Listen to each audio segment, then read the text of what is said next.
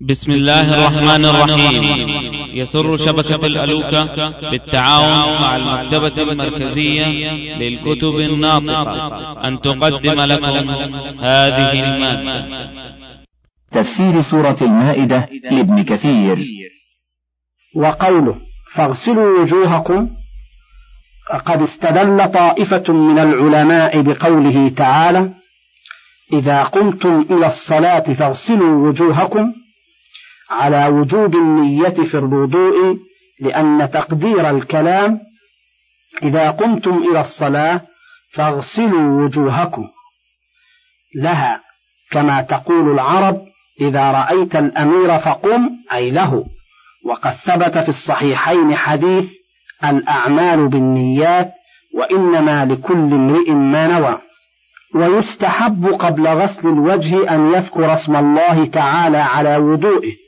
لما ورد في الحديث من طرق جيدة عن جماعة من الصحابة عن النبي صلى الله عليه وسلم أنه قال لا وضوء لمن لم يذكر اسم الله عليه ويستحب أن يغسل كفيه قبل إدخالهما في الإناء ويتأكد ويتأكد ذلك عند القيام من النوم لما ثبت في الصحيحين عن أبي هريرة أن رسول الله صلى الله عليه وسلم قال إذا استيقظ أحدكم من نومه فلا يدخل يده في الإناء قبل أن يغسلها ثلاثا فإن أحدكم لا يدري أين باتت يده. وحد الوجه عند الفقهاء ما بين منابت شعر الرأس ولا اعتبار بالصلع ولا بالغمم إلى منتهى اللحيين والذقن طولا.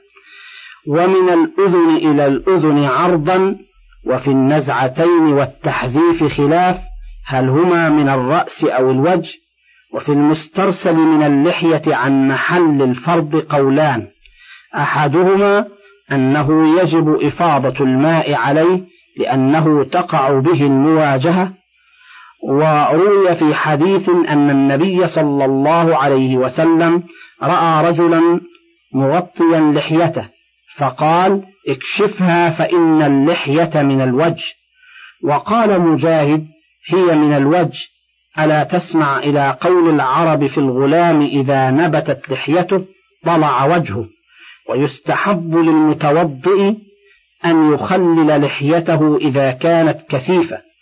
وقال الإمام أحمد حدثنا عبد الرزاق حدثنا إسرائيل عن عامر ابن حمزة عن شقيق قال رأيت عثمان توضأ فذكر الحديث.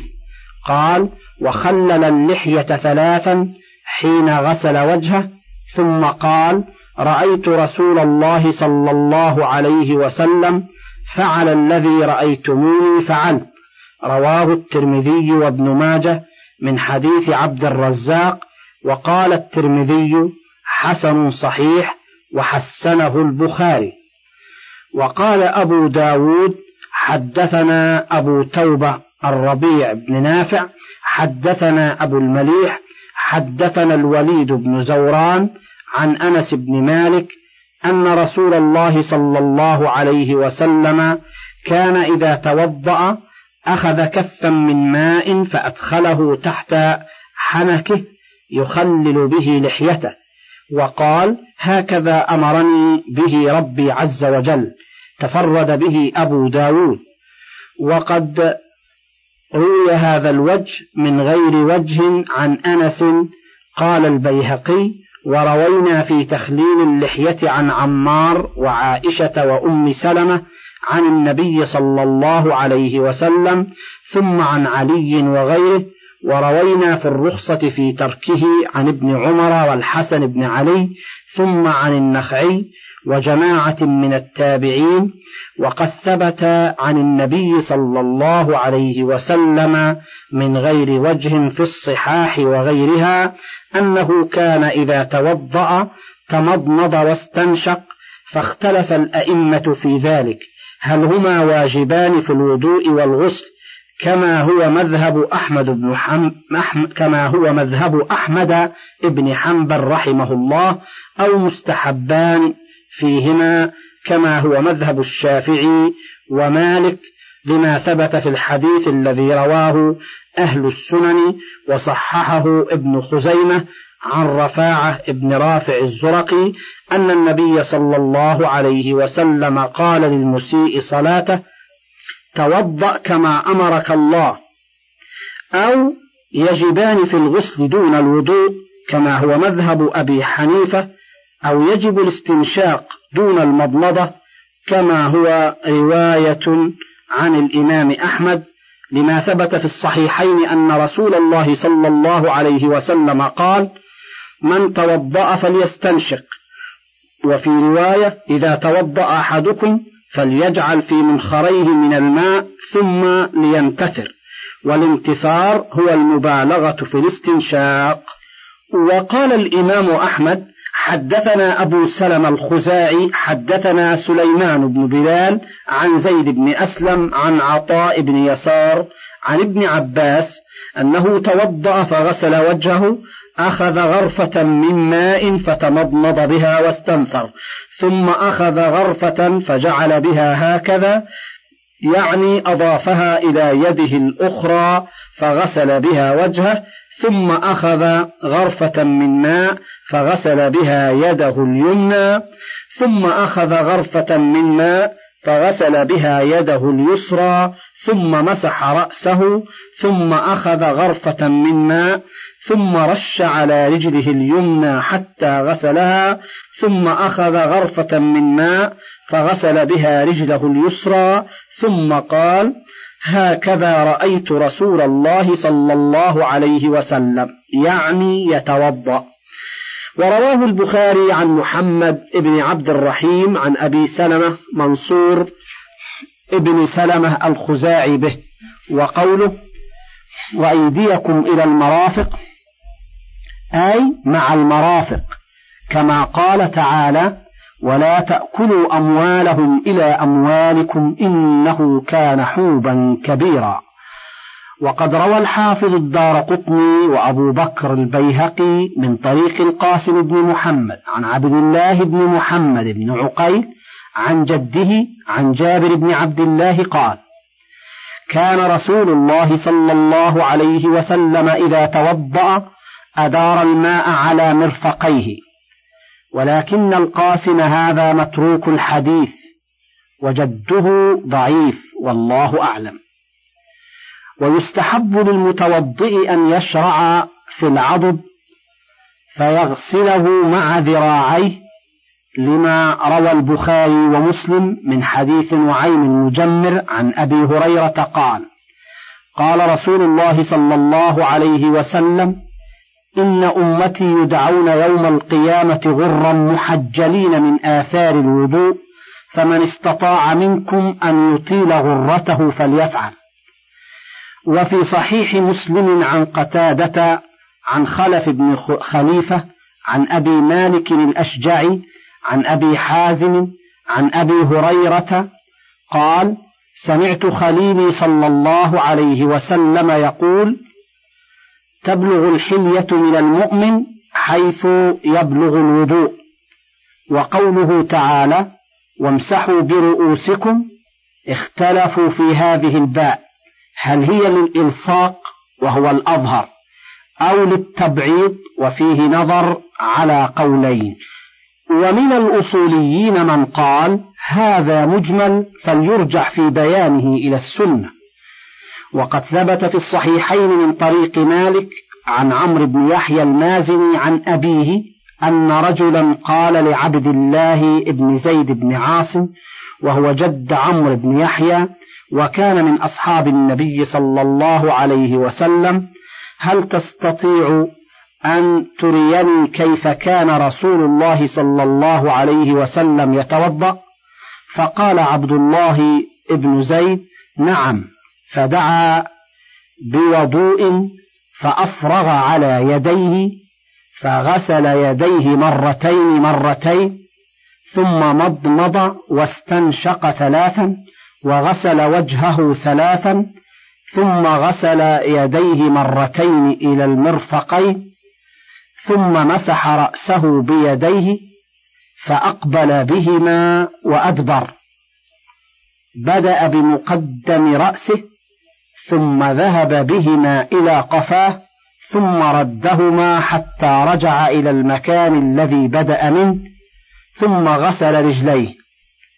وفي حديث عبد خير عن علي في صفة وضوء رسول الله صلى الله عليه وسلم نحو هذا وروى أبو داود عن معاوية والمقداد بن مأدي كرب في صفة وضوء رسول الله صلى الله عليه وسلم مثله ففي هذه الأحاديث دلالة لمن ذهب إلى وجوب تكميل مسح جميع الرأس كما هو مذهب الإمام مالك وأحمد بن حنبل لا سيما على قول من زعم أنها خرجت مخرج البيان لما أجمل في القرآن. وقد ذهب الحنفية إلى وجوب مسح ربع الرأس وهو مقدار الناصية. وذهب أصحابنا إلى أنه إنما يجب ما يطلق عليه اسم مسح ولا يتقدر ذلك بحد بل لو مسح بعض شعره من رأسه أجزأه. واحتج الفريقان بحديث المغيرة ابن شعبة قال تخلف النبي صلى الله عليه وسلم فتخلفت معه فلما قضى حاجته قال هل معك ماء؟ فأتيته بمطهرة فغسل كفيه ووجهه ثم ذهب يحسر عن ذراعيه فضاق كم الجبة فأخرج يديه من تحت الجبة وألقى الجبة على منكبيه فغسل ذراعيه ومسح بناصيته وعلى العمامة وعلى خفيه. وذكر باقي الحديث وهو في صحيح مسلم وغيره. فقال لهم أصحاب الإمام أحمد إنما اقتصر على مسح الناصية لأنه كمل مسح بقية الرأس على العمامة ونحن نقول بذلك وأنه يقع عن الموقع كما وردت بذلك أحاديث كثيرة. وأنه كان يمسح على العمامة وعلى الخفين فهذا أولى وليس لكم فيه دلالة على جواز الاقتصار على مسح الناصية أو بعض الرأس من غير تكميل على العمامة والله أعلم. ثم اختلفوا في أنه هل يستحب تكرار مسح الرأس ثلاثا كما هو المشهور من مذهب الشافعي وإنما يستحب مسحة واحدة كما هو مذهب أحمد بن حنبل ومن تابعه على قولين. فقال عبد الرزاق عن معمر عن الزهري عن عطاء بن يزيد الليثي عن حمران بن أبان قال رأيت عثمان بن عفان توضأ فأفرغ على يديه ثلاثا فغسلهما ثم تمضمض واستنشق ثم غسل وجهه ثلاثا ثم غسل يده اليمنى إلى المرفق ثلاثا ثم غسل اليسرى مثل ذلك ثم مسح برأسه ثم غسل قدمه اليمنى ثلاثا ثم اليسرى ثلاثا مثل ذلك ثم قال رأيت رسول الله صلى الله عليه وسلم توضأ نحو وضوء هذا. ثم قال من توضأ نحو وضوء هذا ثم صلى ركعتين لا يحدث فيهما نفسه غفر له ما تقدم من ذنبه. أخرجه البخاري ومسلم في الصحيحين من طريق الزهري به نحو هذا وفي سنن أبي داود من رواية عبد الله بن عبيد الله بن أبي مليكة عن عثمان في صفة الوضوء ومسح برأسه مرة واحدة. وكذا من رواية عبد خير عن علي مثله. واحتج من استحب تكرار مسح الرأس بعموم الحديث الذي رواه مسلم في صحيحه عن عثمان رضي الله عنه أن رسول الله صلى الله عليه وسلم توضأ ثلاثا ثلاثا وقال أبو داود حدثنا محمد بن المثنى حدثنا الضحاك بن مخلد حدثنا عبد الرحمن ابن وردان حدثني أبو سلمة ابن عبد الرحمن حدثني حمران قال رأيت عثمان ابن عفان توضأ فذكر نحوه ولم يذكر المضمضة والاستنشاق. قال فيه ثم مسح رأسه ثلاثا ثم غسل رجليه ثلاثا ثم قال رأيت رسول الله صلى الله عليه وسلم توضأ هكذا وقال من توضأ هكذا كفاه تفرد به أبو داود. ثم قال وأحاديث عثمان في الصحاح تدل على أنه مسح الرأس مرة واحدة. قوله وأرجلكم إلى الكعبين قرئ وأرجلكم بالنصب عطفا على فاغسلوا وجوهكم وأيديكم. قال ابن أبي حاتم حدثنا أبو زرعة حدثنا أبو سلمة حدثنا وهيب عن خالد عن عكرمة عن ابن عباس أنه قرأها وأرجلكم يقول رجعت إلى الغسل وروي عن عبد الله ابن مسعود وعروة وعطاء وعكرمة والحسن ومجاهد وإبراهيم والضحاك والسدي ومقاتل بن حيان والزهري وإبراهيم التيمي نحو ذلك. وهذه قراءة ظاهرة في وجوب الغسل كما قاله السلف. ومنها هنا ذهب من ذهب إلى وجوب الترتيب في الوضوء كما هو مذهب الجمهور خلافا لأبي حنيفة حيث لم يشترط الترتيب بل لو غسل قدميه ثم مسح رأسه وغسل يديه ثم وجهه أجزأه. أجزأه ذلك. لأن الآية أمرت بغسل هذه الأعضاء والواو لا تدل على الترتيب. وقد سلك الجمهور في الجواب عن هذا البحث طرقا. فمنهم من قال الآية دلت على وجوب غسل الوجه ابتداء عند القيام إلى الصلاة لأنه مأمور به بفاء التعقيب وهي مقتضية للترتيب. ولم يقل أحد من الناس بوجوب غسل الوجه أولا ثم لا يجب الترتيب بعده بل القائل اثنان أحدهما يوجب الترتيب كما هو واقع في الآية والآخر يقول لا يجب الترتيب مطلقا والآية دلت على وجوب غسل الوجه ابتداء فوجب الترتيب فيما بعده بالإجماع حيث لا فارق. ومنهم من قال لا نسلم أن الواو لا تدل على الترتيب بل هي دالة كما هو مذهب طائفة من النحاة وأهل اللغة وبعض الفقهاء. ثم نقول بتقدير تسليم كونها لا تدل على الترتيب اللغوي هي دالة على الترتيب شرعا فيما من شأنه أن يرتب. والدليل على ذلك أنه صلى الله عليه وسلم لما طاف بالبيت خرج من باب الصفا وهو يتلو قوله تعالى إن الصفا والمروة من شعائر الله. ثم قال أبدأ بما بدأ الله به. لفظ مسلم. ولفظ النساء ابدأوا بما بدأ الله به. وهذا لفظ أمر وإسناده صحيح فدل على وجوب البداءة بما بدأ الله به وهو معنى كونها تدل على الترتيب شرعا والله أعلم.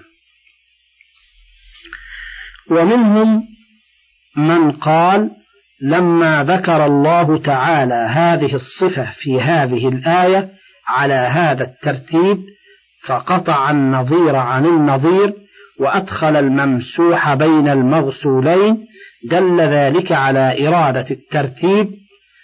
ومنهم من قال لا شك أنه قد روى أبو داود وغيره من طريق عمرو بن شعيب عن أبيه عن جده أن رسول الله صلى الله عليه وسلم توضأ مرة مرة. ثم قال هذا وضوء لا يقبل الله الصلاة إلا به. قالوا فلا يخلو إما أن يكون توضأ مرتبا فيجب الترتيب أو يكون توضأ غير مرتب فيجب عدم الترتيب ولا قائل به فوجب ما ذكرناه. وأما القراءة الأخرى وهي قراءة من قرأ وأرجلكم بالخفض فقد احتج بها الشيعة في قولهم بوجوب مسح الرجلين لأنها عندهم معطوفة على مسح الرأس. وقد روي عن طائفة من السلف ما يوهم القول بالمسح. فقال ابن جرير حدثني يعقوب ابن إبراهيم حدثنا ابن علي حدثنا حميد قال قال موسى ابن أنس لأنس ونحن عنده يا أبا حمزة إن الحجاج خطبنا بالأهواز ونحن معه فذكر الطهور فقال اغسلوا وجوهكم وأيديكم وامسحوا برؤوسكم وأرجلكم وإنه ليس شيء من ابن آدم أقرب من خبثه من قدميه فاغسلوا بطونهما وظهورهما وعراقيبهما. فقال أنس صدق الله وكذب الحجاج. قال الله تعالى وامسحوا برؤوسكم وأرجلكم قال وكان أنس إذا مسح قدميه بل لهما إسناد صحيح إليه وقال ابن جرير حدثنا علي بن سهل حدثنا مؤمل حدثنا حماد حدثنا عاصم الأحول عن أنس قال نزل القرآن بالمسح والسنة بالغسل وهذا أيضا إسناد صحيح. وقال ابن جرير حدثنا أبو كريب حدثنا محمد بن قيس الخراساني عن ابن جريج عن عمرو بن دينار عن عكرمة عن ابن عباس قال الوضوء غسلتان ومسحتان. وكذا روى سعيد بن أبي عروبة عن قتادة. وقال ابن أبي حاتم حدثنا أبي حدثنا أبو معمر المنقري حدثنا عبد الوهاب حدثنا علي بن زيد عن يوسف ابن مهران عن ابن عباس وامسحوا برؤوسكم وأرجلكم إلى الكعبين قال هو المسح. ثم قال وروي عن ابن عمر وعلقمة وأبي جعفر محمد بن علي والحسن في إحدى الروايات وجابر بن زيد ومجاهد في إحدى الروايات نحو وقال ابن جرير حدثنا يعقوب حدثنا ابن علي حدثنا أيوب قال رأيت عكرمة يمسح على رجليه. قال وكان يقول وقال ابن جرير حدثني أبو السائب حدثنا ابن إدريس عن داود ابن أبي هند عن الشعبي قال نزل جبريل بالمسح ثم قال الشعبي ألا ترى أن التيمم أن يمسح ما كان غسلا ويلغي ما كان مسحا.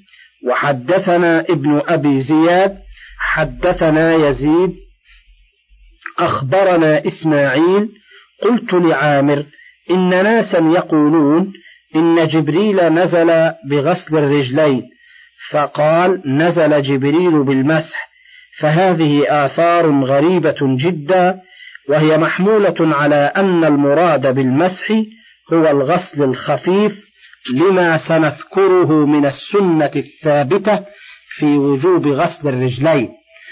وإنما جاءت هذه القراءة بالخفض إما على المجاورة وتناسب الكلام كما في قول العرب جحر ضب خرب وكقوله تعالى عاليهم ثياب سندس خضر واستبرق وهذا ذائع شائع في لغة العرب سائر. ومنهم من قال هي محمولة على مسح القدمين إذا كان عليهما الخفان. قال أبو عبد الله الشافعي رحمه الله. ومنهم من قال هي دالة على مسح الرجلين. ولكن المراد بذلك الغسل الخفيف كما وردت به السنة. وعلى كل تقدير فالواجب غسل الرجلين فرضا لا بد منه للآية والأحاديث التي سنوردها. ومن أحسن ما يستدل على أن المسح يطلق على الغسل الخفيف ما رواه الحافظ البيهقي حيث قال أخبرنا أبو علي الروزبادي حدثنا أبو بكر محمد بن أحمد ابن حمويه العسكري حدثنا جعفر بن محمد القلنسي حدثنا آدم حدثنا شعبة حدثنا عبد الملك ابن ميسرة سمعت النزال بن صبرة يحدث عن علي بن أبي طالب أنه صلى الظهر ثم قعد في حوائج الناس في رحبة الكوفة حتى حضرت صلاة العصر ثم أتى بكوز من ماء فأخذ منه حفنة واحدة فمسح بها وجهه ويديه ورأسه ورجليه ثم قام فشرب فضلته وهو قائم ثم قال إن ناسا يكرهون الشرب قائما وإن رسول الله صلى الله عليه وسلم صنع كما صنعت. وقال هذا وضوء من لم يحدث. رواه البخاري في الصحيح عن آدم ببعض معناه. ومن أوجب من الشيعة مسحهما كما يمسح الخف فقد ضل وأضل. وكذا من جوز مسهما وجوز غسلهما فقد أخطأ أيضا. ومن نقل عن أبي جعفر بن جرير أنه أوجب غسلهما للأحاديث وأوجب مسحهما للآية فلم يحقق مذهبه في ذلك فإن كلامه في تفسيره إنما يدل على أنه أراد أنه يجب دلك الرجلين من دون سائر أعضاء الوضوء لأنهما يليان الأرض والطين وغير ذلك فأوجب دلكهما ليذهب ما عليهما ولكنه عبر عن الدلك بالمسح. فاعتقد من لم يتأمل كلامه أنه أراد وجوب الجمع بين غسل الرجلين ومسحهما فحكاه من حكاه كذلك. ولهذا يستشكله كثير من الفقهاء وهو معذور فإنه لا معنى للجمع بين المسح والغسل سواء تقدمه أو تأخر عليه لاندراجه فيه. وإنما أراد الرجل ما ذكرته والله أعلم. ثم تأملت كلامه أيضا فإذا هو يحاول الجمع بين القراءتين في قوله وأرجلكم خفضا على المسح وهو الدلك ونصبا على الغسل فأوجبهما أخذا بالجمع بين هذه وهذه. ذكر الأحاديث الواردة في غسل الرجلين وأنه لا بد منه. قد تقدم في حديث أمير المؤمنين عثمان وعلي وابن عباس ومعاوية وعبد الله بن زيد بن عاصم والمقداد بن معدي كرب أن رسول الله صلى الله عليه وسلم غسل الرجلين في وضوئه إما مرة وإما مرتين أو ثلاثا على اختلاف رواياتهم. وفي حديث عمرو بن شعيب عن أبيه عن جده أن رسول الله صلى الله عليه وسلم توضأ فغسل قدميه ثم قال هذا وضوء لا يقبل الله الصلاة إلا به. وفي الصحيحين من رواية أبي عوانة عن أبي بشر عن يوسف بن ماهك عن عبد الله بن عمرو قال تخلف عنا رسول الله صلى الله عليه وسلم في سفرة سافرناها فأدركنا وقد أرهقتنا الصلاة صلاة العصر ونحن نتوضأ فجعلنا نمسح على أرجلنا فنادى بأعلى صوته أسبغ الوضوء ويل للأعقاب من النار. وكذلك هو في الصحيحين عن أبي هريرة. وفي صحيح مسلم عن عائشة عن النبي صلى الله عليه وسلم أنه قال أسبغ الوضوء ويل للأعقاب من النار.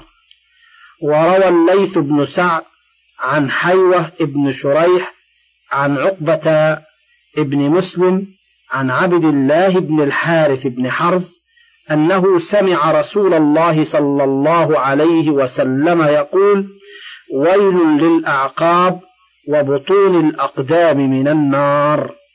رواه البيهقي والحاكم وهذا إسناد صحيح. من فضلك تابع بقية المادة.